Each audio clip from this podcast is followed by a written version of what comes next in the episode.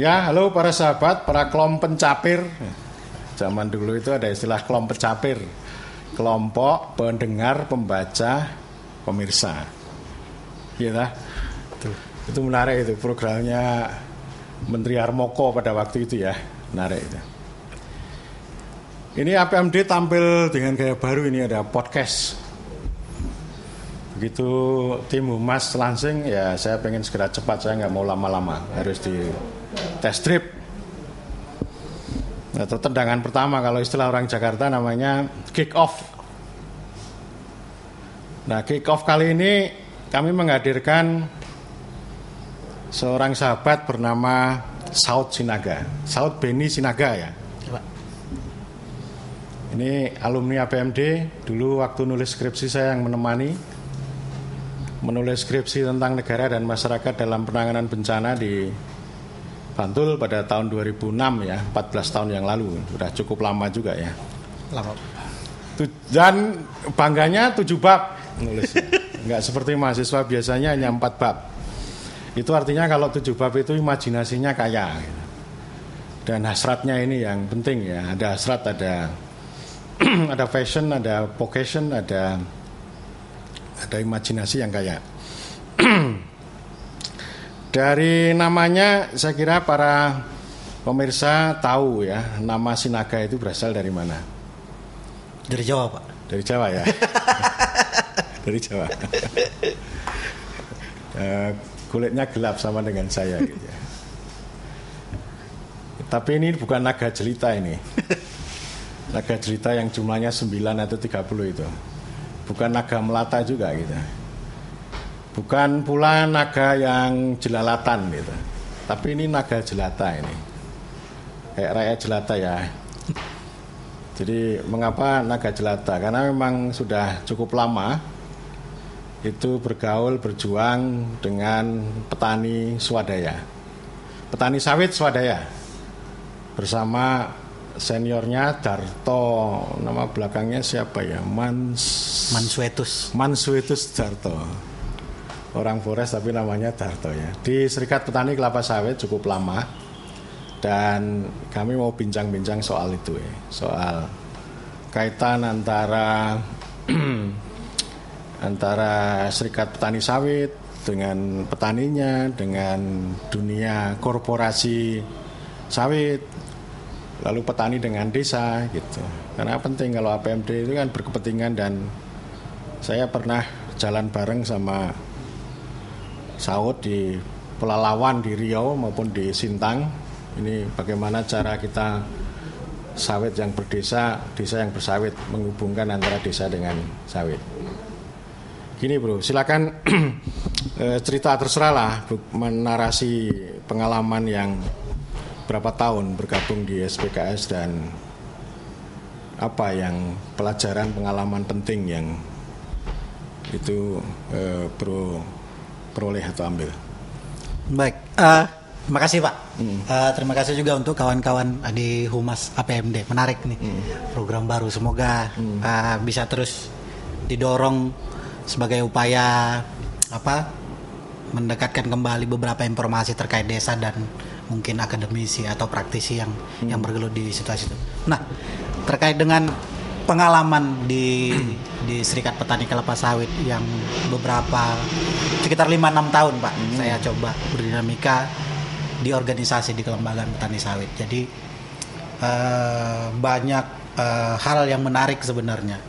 Seperti yang sudah Bapak sampaikan di, di depan kan ini terkait dengan uh, desa bersawit, sawit berdesa. Nah, ada juga pertanyaan terkait dengan itu. Apakah kemudian kalau desa bersawit itu desanya mau disawitkan semua kan hmm. tidak begitu nah, tidak, nah tidak. dalam artian kan uh, pengalaman praktek teman-teman petani swadaya hmm. dari sejarahnya memang uh, petani ini kan tidak dibekali pengetahuan petani sawit khususnya tidak dibekali pengetahuan teknik budidaya hmm. tidak dibekali pengetahuan merawat tanaman karena rata-rata petani swadaya ini kan yang awalnya dulu petani pangan padi atau petani atau mungkin uh, karet tanaman perkebunan lainnya. Hmm. tiba-tiba kemudian karena semakin besarnya apa eh, industri sawit di Indonesia kemudian membuka peluang dan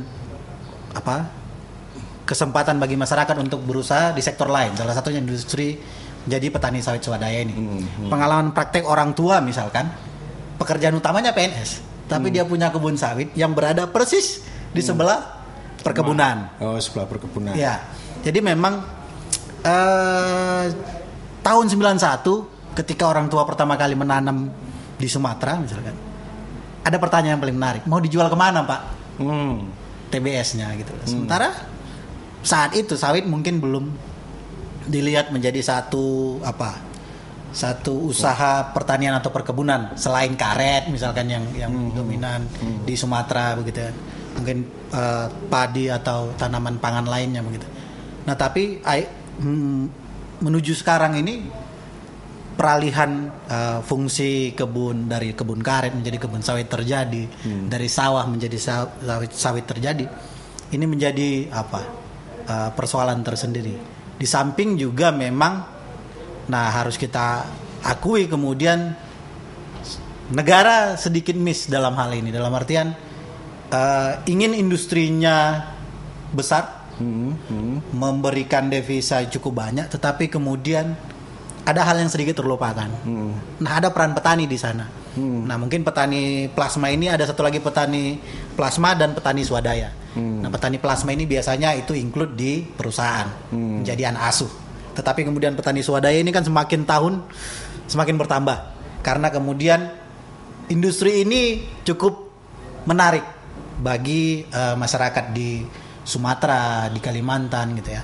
Nah ini cukup menarik. Kenapa? Karena eh, proses yang apa yang diketahui informasinya sebenarnya tanam, panen dan jual. Sederhana itu cara berpikirnya kemudian petani-petani sawit ini. Hmm. Nah beberapa praktek pengalaman ini kemudian mendasarkan ternyata petani ini tidak terkonek dengan eh, pemerintah desa Hmm.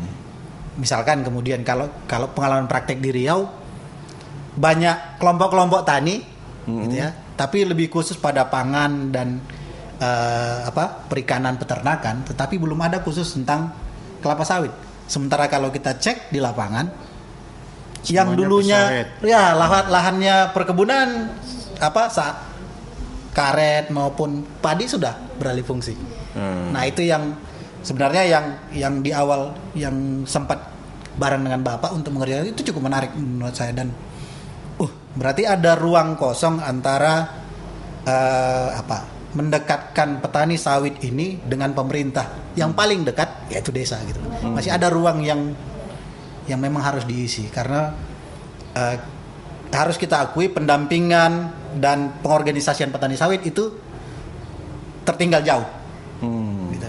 Yang dibutuhkan hanya TBS-nya, TBS-nya, TBS-nya. Gitu. TBS itu apa? Tandan buah segar, Pak. Tanam buah segar. Tandan. Tandan. Ya, itu buah hasil sawitnya. Itu cuma dibutuhkan itu aja untuk kebutuhan pabrik dan eh, pendapatan petani. Jadi duluan industrinya daripada petani swadaya. Ya, secara sejarah memang kan pertama dibuka memang untuk perkebunan khusus. Gitu. Sebelumnya karet ya. Sebelumnya karet, Kalau karet itu juga zaman kolonial atau zaman kolonial, Pak.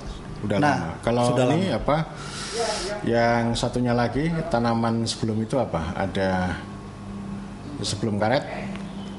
Eh, rata-rata kalau di Sumatera karet langsung ke sawit karena hampir berberang, berbarengan dengan program Peer Trans Hmm. Ada ada program eh, dari pemerintah melalui Bank Dunia itu gitu.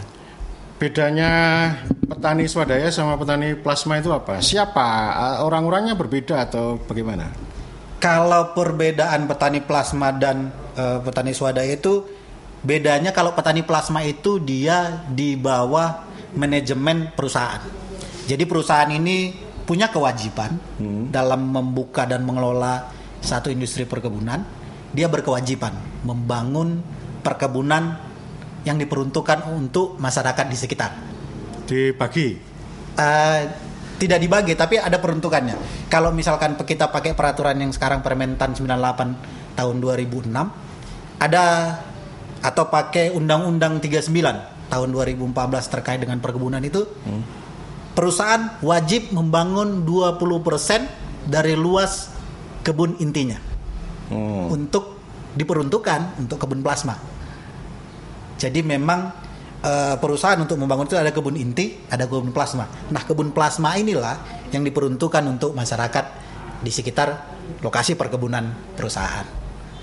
Nah, petani-petaninya itu biasanya sebelum membangun apa kebun perusahaan biasanya itu ada upaya dari perusahaan melalui pemerintah setempat baik itu eh, provinsi maupun kabupaten untuk melibatkan desa kecamatan untuk berdiskusi. Nah, di proses itu sebenarnya penentuan siapa yang berhak Oh, siapa yang berani yang plasma? gitu. Ya, untuk plasma ini siapa saja yang dilibatkan masyarakatnya. Karena undang-undang memang mengharuskan perusahaan itu melakukan kemitraan dan pemberdayaan masyarakat di sekitar perkebunan. Yang plasma itu rakyat jelita atau rakyat jelata? Yang plasma ini terkadang memang Yang kalau cerita. pengalaman praktek ada memang masyarakat yang membutuhkan Hmm. apa lahan dan memang membutuhkan pendampingan untuk ini. Tapi tidak tidak sedikit juga kemudian ya orang-orang di sekitar Hmm. eh, penguasa dalam artian misalkan bisa saja orang-orang dari pemerintahan desa atau Hmm. mungkin dari kabupaten yang keluarganya ada di sana itu ditempatkan. Memang Hmm. Satu satu orang atau satu keluarga dapat berapa? satu luas? kakak biasanya dapat dua hektar. Oh, 2 hektar. Ada yang 20 hektar. Kalau untuk kebun plasma nggak bisa 20 hektar. Oh, oh, batasnya Jadi ada. batasnya ada. Kalau untuk kebun plasma itu memang 2 hektar. 2 hektar itu satu kapling. Hmm. Nah, 2 hektar ini untuk satu kakak biasanya eh, seperti itu.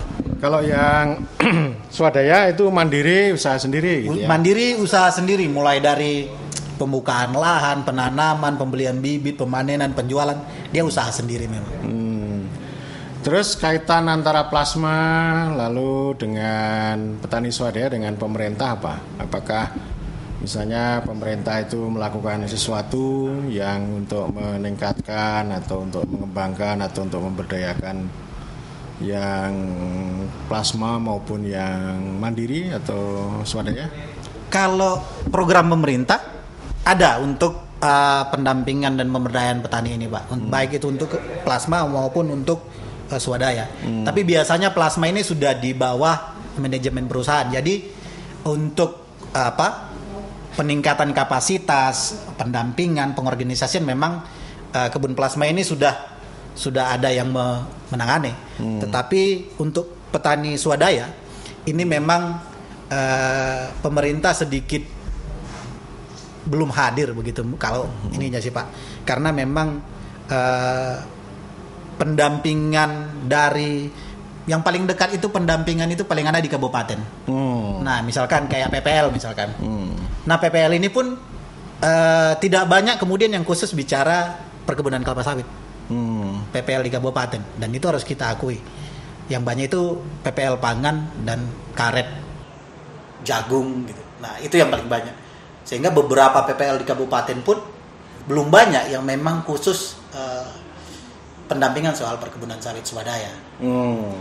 Nah, kalau secara program memang ada beberapa program kayak Revit Bun, itu ada dari pemerintah pusat, tetapi itu digabungkan antara baik itu untuk perusahaan dan eh, yang plasma maupun swadaya. Nah, terakhir ini kan ada BPDPKS, Apa itu? Badan Pengelola Dana Perkebunan Kelapa Sawit.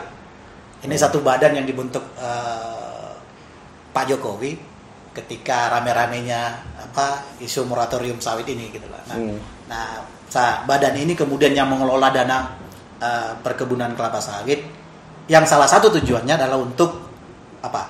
Eh, peningkatan kapasitas dan pemberdayaan petani kelapa sawit swadaya.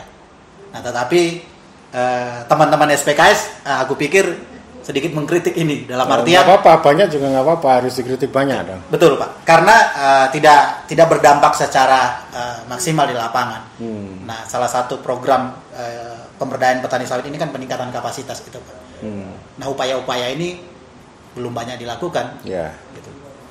Itu yang plasma sama inti itu apakah dia semacam shareholding gitu ya atau bagaimana? Shareholding itu kan bagi hasil atau semacam bagi resiko, bagi hasil, bagi modal gitu atau gimana polanya? Kalau polanya di disebut polanya eh, manajemen satu atap Pak. Nah, satu istilahnya disebut dengan manajemen satu atap. Nah, pola manajemen satu atap ini eh, kebun plasma eh, sebelum ditetapkan untuk siapa di mana lokasinya. Nah itu bagian dari perusahaan dan pemerintah untuk melakukan itu. Nah perusahaan dalam hal pembukaan lahan, penyediaan bibit, penanaman, perawatan sampai dengan tiga tahun pertama setelah ditanam Yeah. itu dikelola oleh pe- perusahaan. Hmm. Setelah itu, kemudian manajemen satu atap melibatkan petani plasmanya tadi yang sudah ditunjuk dan memang sudah disepakati bahwasannya itu petani untuk terlibat bekerja untuk perawatan setelah masa panen. Hmm. Jadi modelnya memang eh, secara rafiah saya sebagai petani plasma di rumah saja dapat bulanan nih, Hmm. gitu. Jadi modelnya kayak gitu. Sehingga Oh. ada kritikan untuk untuk pola ini. Hmm. Hmm. Petani plasmanya nggak tahu di mana lahannya. Oh. bagaimana eh, kualitas tanamannya.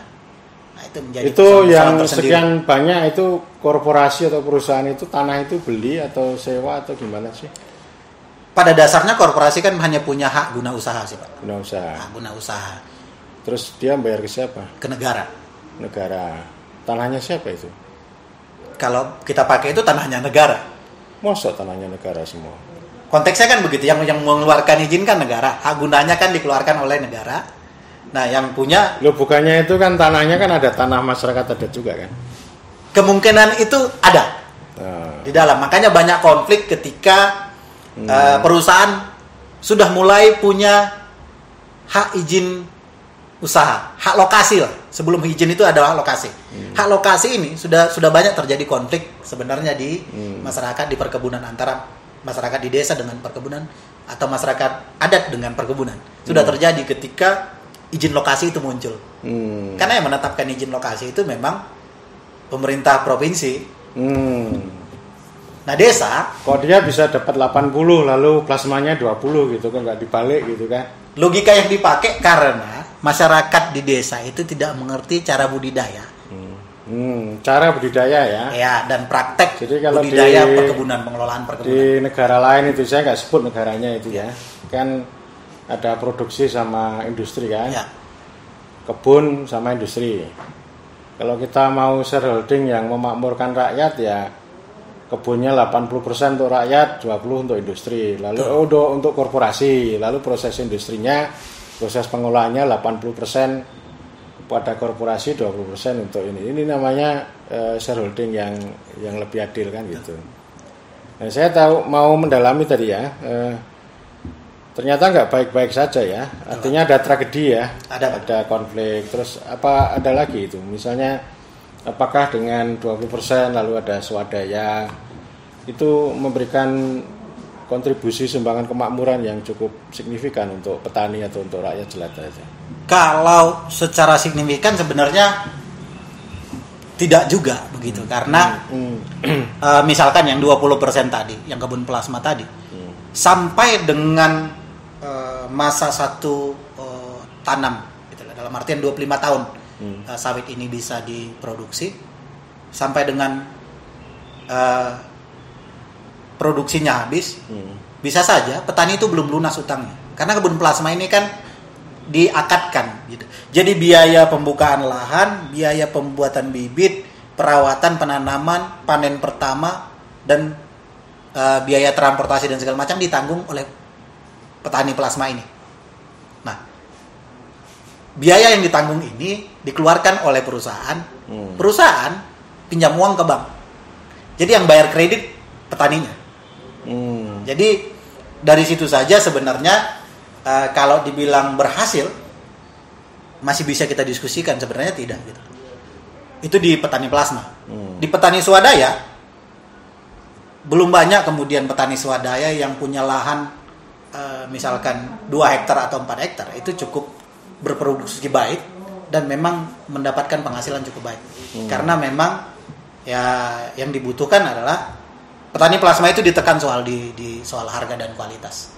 Nah persoalan itu nggak juga menjamin eh, pekebun swadaya ataupun konon pekebun plasma ini bisa jauh lebih baik. Tetapi ada ada harapan ketika kemudian penguatan itu dilakukan gitu. Karena sejarah sebelumnya sebenarnya kebun itu hanya memiliki 20% kebunnya. 80% itu punya masyarakat. Oh. Kebijakan sebelumnya. Jadi ada kebijakan eh, sebelum hadirnya Permentan 98 ini. Ada Permentan di tahun 2006 kalau tidak salah. Itu sebenarnya memberi ruang eh, lebih luas pengelolaan kebun untuk masyarakat di tahun-tahun sebelumnya. Tetapi hadirnya Permentan nomor 2006 ini kemudian karena persoalan tadi misalkan kredit itu macet, Hmm. masyarakat dinilai tidak bisa mem- membayar itu menjadi utang dan beban uh, perusahaan Hmm. maka pakai logika itu oke semua diambil alih perusahaan sehingga dibalik 80-nya untuk perusahaan 20-nya punya masyarakat deh. Hmm. nah itu yang membuat sebenarnya uh, Permentan ini apa sedikit menegaskan bahwasanya ya yang yang punya industri ini harus harus harus perusahaan Hmm. tidak bisa masyarakat begitu Kan kebun sama industri bisa dipisah toh? Bisa nggak? bisa sebenarnya bisa pak dalam dalam hal misalkan asal industrinya tidak pada pengelolaan dan produksi eh, bahan baku Kayak tembakau. Tembakau itu 90-an persen milik rakyat. Kalau industrinya milik milik korporasi. korporasi nah karena dari awal sampai ujung perkebunan kelapa sawit ini menghasilkan maka tidak ada perusahaan yang mau rugi ambil dari Eh, pembuatan kebun eh, transportasi eh. panen pabrik pabrik aja dia untung banyak tidak hanya minyak diambil ampas juga diambil Hmm. limbah juga bisa dijual Hmm. Nah, nggak nggak mau rugi kan dari hulu ke hilirnya. Nah, jadi biasanya ini ada dua poin ya, ada izin, ada satunya lagi itu apa? Sertifikat ya. Ya, sertifikasi. ISPO, ISPO, dan RSPO. Saya nggak ngerti itu maksudnya itu. Kalau petani kecil itu gimana itu mengakses dua barang itu? Kalau ISPO kan wajib. Wajib baik itu untuk uh, perusahaan perkebunan maupun untuk petani. Yang wujudkan siapa? Negara. Negara. Negara mewajibkan ISPO itu apa coba? Indonesian Sustainable Palm Oil. Oh, jadi distandarisasi. Distandarisasi gitu loh. Sama- Indonesia punya standarisasi sama perguruan tinggi produk. diakreditasi gitu ya. diakreditasi sama perguruan tinggi. Mereka jadi teman untuk membantu gitu ya. Ya.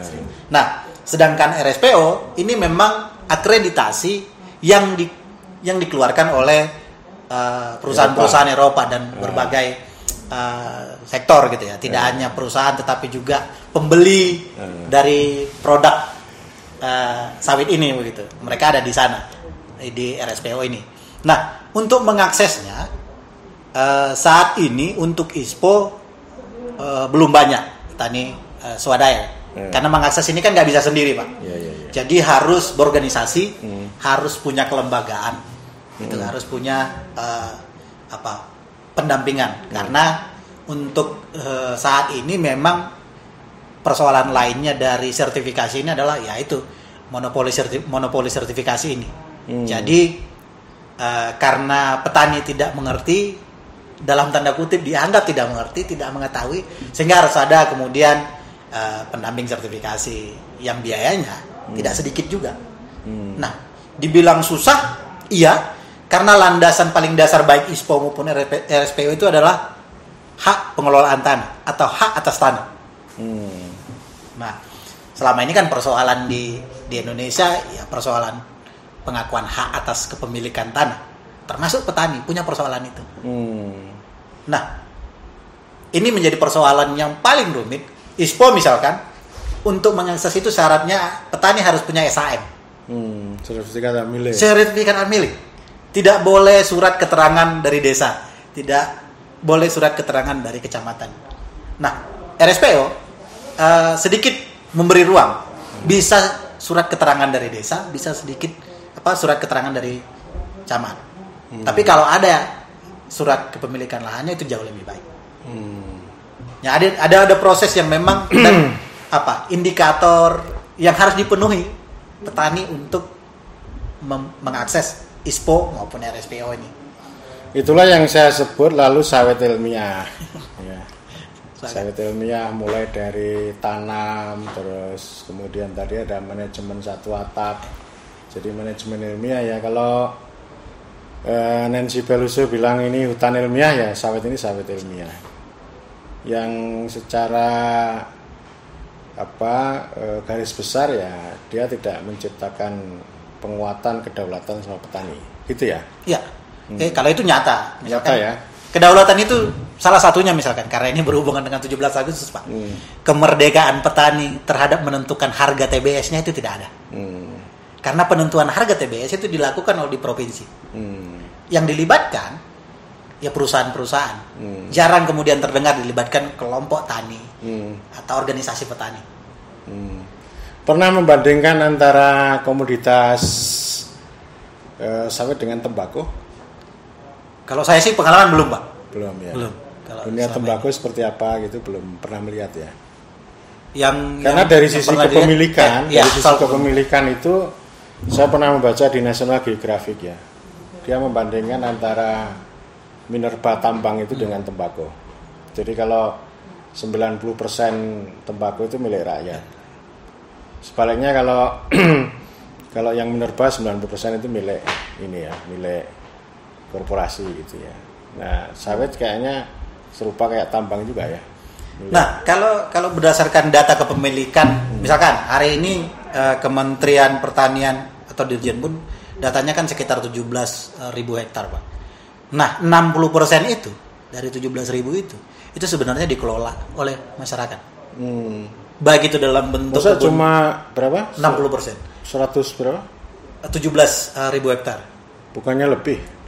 Nah itu pakai data ini, data eh, apa Kementerian Pertanian melalui Dirjen Bun. Mungkin data dari teman-teman KPK maupun eh, beberapa lain akan berbeda begitu. Nah karena kan persoalan pendataan kebun ini terkait yaitu tadi kejelasan eh, hak, terus di mana, siapa pemiliknya. Nah ya itu kan yang kalau menjadi kalau sawit tidak jelas. Kalau sawit ilmiah itu kan nggak akan bicara tentang hak kedaulatan petani kan. Yang dibicarakan itu ya hal-hal yang sangat ilmiah. Kalau ilmiah itu ya akan semakin jauh dari rakyat dan semakin jauh pada tengku, eh, semakin dekat pada tengkulak itu di mana-mana begitu dan karena itu yang namanya ilmiah ilmiah entah sawit ilmiah uang ilmiah atau hutan ilmiah itu ya dia tidak memakmurkan rakyat. Jadi jangan-jangan itu para petani swadaya itu namanya subsisten hidupnya ya, subsisten aja. Eh, bisa berkembang menjadi lebih baik atau hanya hidupnya ya gitu Gitu-gitu aja. gitu-gitu aja Lebih banyak gitu-gitu aja. gitu-gitu aja ya Karena kan biaya produksi Heeh. dan untuk uh, pendapatan hasil penjualan ya habis di situ saja. Iya, sama ya. Jadi memang itu saya kira hampir sama ya dengan hutan. Ini kan alam gitu kan. Orang melihatnya secara ekonomi, ekonomi yang sangat ilmiah, hitung-hitungan, ada kalkulasinya, semuanya dihitung, ini uang dan sebagainya ya. Jadi lalu melihatnya alam itu sebagai sumber daya, SDA gitu. Ini alam itu dieksploitasi menjadi sumber daya, menjadi duit. Lalu yang kedua ada ekologi, ngomong sustainable, sustainable. Padahal sustainable itu ya intinya kan sebenarnya intinya menjual dengan cara melestarikannya sebenarnya. Tapi intinya ya menjual juga. Nah yang ketiga kan kita melihat secara sosial kan, secara sosial itu eh, entah sawit, entah hutan atau alam itu sebagai livelihood. Tapi ini hanya sisanya sisa kan. Kalau orang dulu orang di mana pun itu dia melihat ya masyarakat di mana pun termasuk masyarakat adat itu kan intinya kecukupan keseimbangan sama keberlanjutan. Lanjutan. keberlanjutannya itu caranya itu ya gini kalau mengambil satu cukup nggak perlu mengambil 10 karena yang sembilan itu punya anak cucu kan gitu. Nah begitu datang korporasi kan nalarnya jadi beda. Kalau kita bisa mengambil 10 kenapa hanya mengambil satu kan gitu. Jadi itu terus kemudian saya ingin mendorong sebenarnya ya alam itu harus kita lihat secara politik. Secara politik itu artinya hajat hidup orang Orang banyak. banyak. sesuai konstitusi lah ya. Kita kembalikan ya. Hajat hidup orang banyak itu saya kata itu saya sangat suka. Sehingga kalau kita kembali ke hajat hidup orang banyak yang namanya hak kedaulatan itu menjadi penting. Nah ini masih ada dua pertanyaan yang mau saya ajukan. Yang satu lagi ini ini hubungan antara petani sawit sama desa itu gimana itu di lokasi ini kan secara fisik kan dekat nih. Petani sawit sama desa ini kan dekat ini. Tapi secara sosial secara politik kok kayaknya jauh ya. Uh, kalau secara politik dalam artian uh, misalkan kalau ada pilkada mereka pasti dekat pak. Pilkada situ. Hmm. dan pilkada itu pasti dekat dengan perkebunan kelapa sawit. Iya. Nah, saya sepakat kemudian uh, uh, ketika melihat ternyata desa itu uh, dalam art sawit tidak berdesa dan desa kemudian melihat tidak melihat sawit ini sebagai potensi yang bisa dikelola ataupun kemudian bisa ditata jauh lebih baik begitu. Hmm, hmm. Nah, karena memang mungkin di desa ini cuma hanya praduga. Mungkin di desa belum menjadikan isu uh, apa tata tata kelola atau tata wilayah, tata ruang Hmm. itu menjadi salah satu modal yang bisa digunakan oleh desa. Hmm. Karena kan pada dasarnya misalkan kalau terjadi penambahan perluas perkebunan, harusnya desa punya eh, jawaban atas itu. Misalkan di desa saya punya dari tahun sekian, oh meluas menjadi tahun sekian. Nah selama ini kan biasanya desa tidak punya data itu. Begitu juga dengan petani, jarang kemudian melaporkan atau memberitahu informasi saya menambah luas lahan perkebunan sawit saya, Hmm. Ya kan gitu. Jadi desa nggak ada gunanya bagi petani swadaya. Di satu sisi iya, tapi berguna ketika nanti mau jual beli harus ada surat SAM Oh. atau misalkan eh, berguna nanti kalau mau sertifikasi ISPO dan RSPO tadi Oh. hanya sebatas administrasi. Nah. Loh. iya, Tapi sawit ini tidak bisa berdampak bagi desa. Iya. Begitu juga desa tidak bisa mengelola sebenarnya, harusnya bisa mengelola. iya. Ini kan Ya, sebagai tadi yang sumber saya maksud dekat secara fisik dan ternyata dekat secara administratif ya, Iya. tapi tidak dekat secara sosial dan secara politik. betul. Secara sosial itu maksud saya ini mereka berinteraksi terus gitu. Ini petani, ini desa, Desa. pemerintah desa, kepala desa saling berinteraksi. Tapi yang interaksi itu membicarakan soal sawit. Yang kedua lalu politik. Politik itu bukan maksud saya bukan dalam pengertian pilkades Ya. pilkada, tetapi oh ini ada konsolidasi ini, mengkonsolidasikan kepentingan dan tujuan yang sama antara petani sama ini. Nah, kalau di pelaksanaan praktek jauh, Pak. Jadi Jauh. tidak memang dekat secara politik. Hmm. Karena memang eh, harusnya kan pendataan, data potensi desa itu kan termasuk juga data luas pengelolaan lahan perkebunan. Hmm. Baik itu sawit maupun karet di desa yang mungkin yang punya sawit. ya. Hmm. Ataupun desa memang yang punya eh, per- perkebunan lain misalkan sawah dan dan dia harus punya harus bisa eh, punya data itu. Nah saat sekarang ini tidak banyak kemudian desa eh, menjadikan apa pemetaan potensi dan pemetaan aset itu berfokus pada misalkan luas lahan dan peruntukannya gitu. Itu di satu sisi di di desa tidak menjadi isu utama Hmm. gitu. Begitu juga bagi petani, ketika saya berurusan dengan desa, itu berurusan dengan duit, Hmm. administrasi yang terlalu berli susah, panjang, ribet tidak jelas. Nah itu yang membuat kemudian uh, apa? Petani sawit dengan pemerintah itu jauh. Hmm. Tapi ketika soal administrasi, misalkan yang paling ditakuti petani sawit adalah soal pajak Pajak. pajak.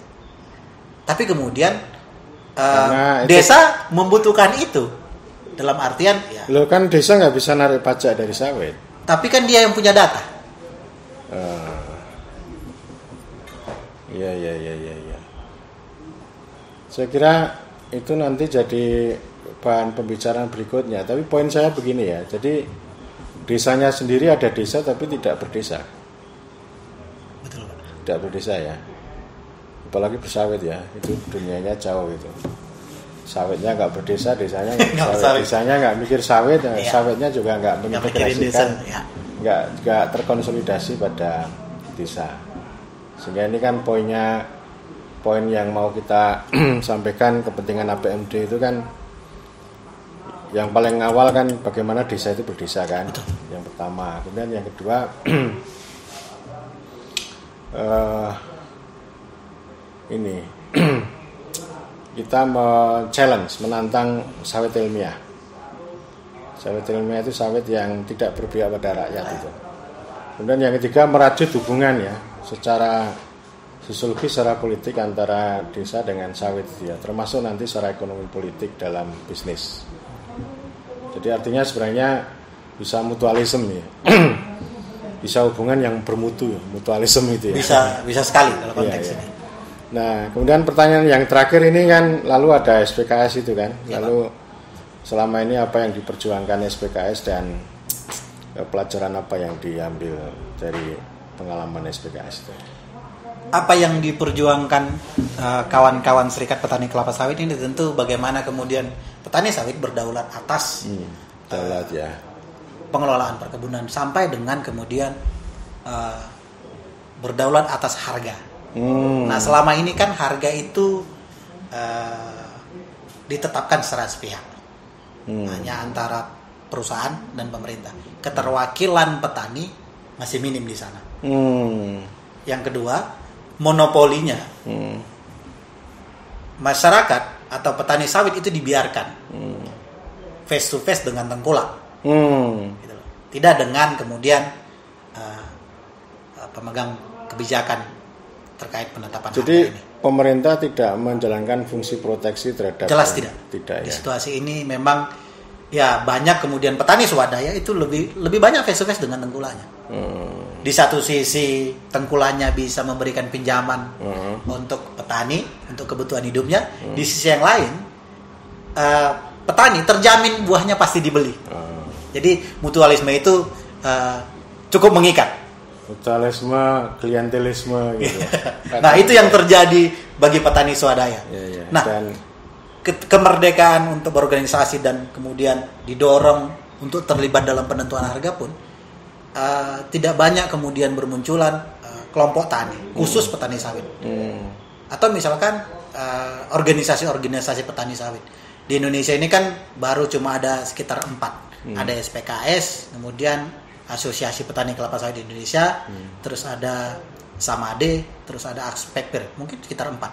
Hmm, mungkin di kabupaten-kabupaten lain sudah punya asosiasi-asosiasi secara apa individu apa eh, mandiri-mandiri gitu di setiap kabupaten itu ada hmm, Nah, tapi kemudian uh, pengorganisasian petani sawit ini kan sangat dibutuhkan. Karena mengapa dibutuhkan? Karena memang industri ini uh, apa ya? Memang didorong untuk ya karena saya masih bisa tanam panen dan jual, Hmm. maka saya tidak butuh organisasi. hmm, Tapi ketika kemudian harga saya jatuh, mana nih organisasi? Saya butuh berorganisasi. hmm, Nah, itu memang dibiarkan. hmm, Nah, kepentingan Serikat Petani Kelapa Sawit tentu di sana. Bagaimana kemudian petani ini berorganisasi, punya kekuatan dan bisa mempengaruhi kebijakan. Tidak hanya mungkin di, di nasional, tetapi juga mungkin jadi isu salah satu isu berdesa, Hmm. begitu. Karena eh, kelompok-kelompok tani yang dibentuk biasanya bias dengan peta- teman-teman petani sawit. Hmm, Dalam artian ya dia juga memang petani karet tapi pasti punya kebun sawit hmm, atau dia petani padi pasti punya kebun sawit. hmm, Nah, kalau di desa yang punya kebun sawit gitu ya, punya apa? industri perkebunan sawit pasti punya itu. hmm, Nah, itu yang sebenarnya kan harus harus didorong eh, saat ini. Nah, SPKS sama satu lagi perjuangan kawan-kawan SPKS ini soal bagaimana kemudian hmm, eh, data mengenai informasi petani sawit siapa di mana dan lokasinya bagaimana itu menjadi bahan untuk pemberdayaan, peningkatan kapasitas, Hmm. pendampingan dan penguatan. Nah, Ya. itu yang sedang didorong ya, ya, ya, ya. teman-teman ini. Ya, saya kira eh, makasih banyak, Bro. Ini, Sama-sama, Pak. Ini intinya ya tengkulak itu di mana-mana begitu ya. Melakukan hal yang buruk dengan cara yang baik. Itu kebalikannya politisi. Kalau politisi itu melakukan hal yang baik dengan cara yang buruk. Nah, seharusnya pemerintah itu kan bertindaknya ya jangan seperti politisi, jangan seperti Tengkulak. tengkulak kan gitu. Betul. Nah, Karena itu memang pemerintah ini harus diserahkan itu. Bagaimana memproteksi itu ya, memproteksi petani kelapa sawit itu ya. Saya kira demikian dan nanti kita bisa ketemu di tema-tema yang lain. Terima kasih.